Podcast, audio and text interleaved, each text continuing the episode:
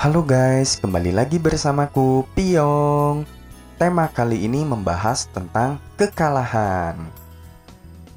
Jadi sebelum aku membahas materi kekalahan ini, eh anjir materi gaya banget. Ya sebelum sebelum bicara tentang ngalir ngidul tentang kekalahan ini, aku mau ngucapin selamat hari raya Natal bagi seluruh umat Kristiani di dunia. Ya, selamat. Tapi aku nggak pandai berkata-kata sih jadi nggak ngerti. Cuma mau ngucapin itu aja. Oh ya tentang kekalahan ini. Sebenarnya simple. Simple banget kalau bicara kekalahannya. Kekalahan itu menurutku adalah kemenangan yang tertunda. Udah selesai. Udah beres segini aja kali ya. Cukup. Bingung mau bahasnya gimana Dah emang kan? Aduh ketahuan deh orang mana.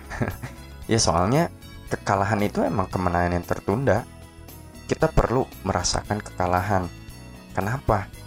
Ya biar kita bisa mengevaluasi diri kita gitu loh. Kita tahu kekurangan kita di mana Makanya kita bisa kalah.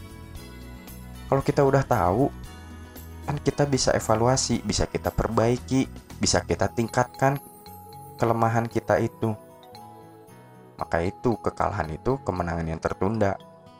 Setelah kita mengevaluasi, setelah kita meningkatkan kelemahan kita dari yang tadinya kalah, mungkin sekarang bisa menang.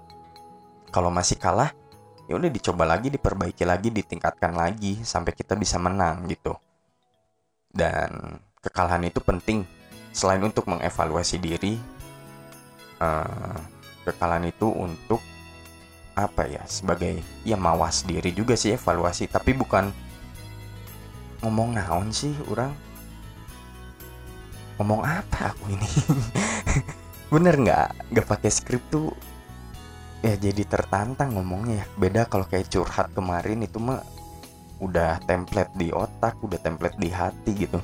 Tapi kalau yang kayak gini-gini nih bingung jadi bahasnya ya intinya kekalahan selain mengevaluasi diri uh, atau meningkatkan skill menjadi lebih baik lagi biar kita bisa menang kekalahan itu penting ya biar kita belajar nggak nggak sombong gitu loh. Karena gini uh, kalau kita menang terus gitu kan biasanya itu akan timbul ras ada rasa apa ya kepercayaan kepercayaan diri yang sangat tinggi gitu. Dan itu nggak baik gitu. Kalau kita terlalu pede nanti kena pasti. Kita pasti apa ya kurang memer kurang memperhatikan detail-detail yang kecil. Jadi kalau kita selalu menang kita terlalu pede nah detail-detail yang kecil biasanya terlewat tuh ada yang terlewat. Nah makanya itu uh, karena nggak bisa memperhatikan detail-detail kecil itu maka dari kemenangan menjadi kalah. Ih asli ngomong apa aku ini? Terserahlah kalian mau ngerti atau enggak. Yang penting aku ngomong yang penting aku bikin podcast 30 hari konsisten.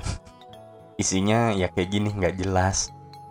Tapi ya udahlah mau mau bagus mau jelek meskipun di awal aku udah bilang sih pengennya bagus gitu kan tapi makin sini tuh makin apa ya makin males. Males apanya? Males ngeditnya gitu.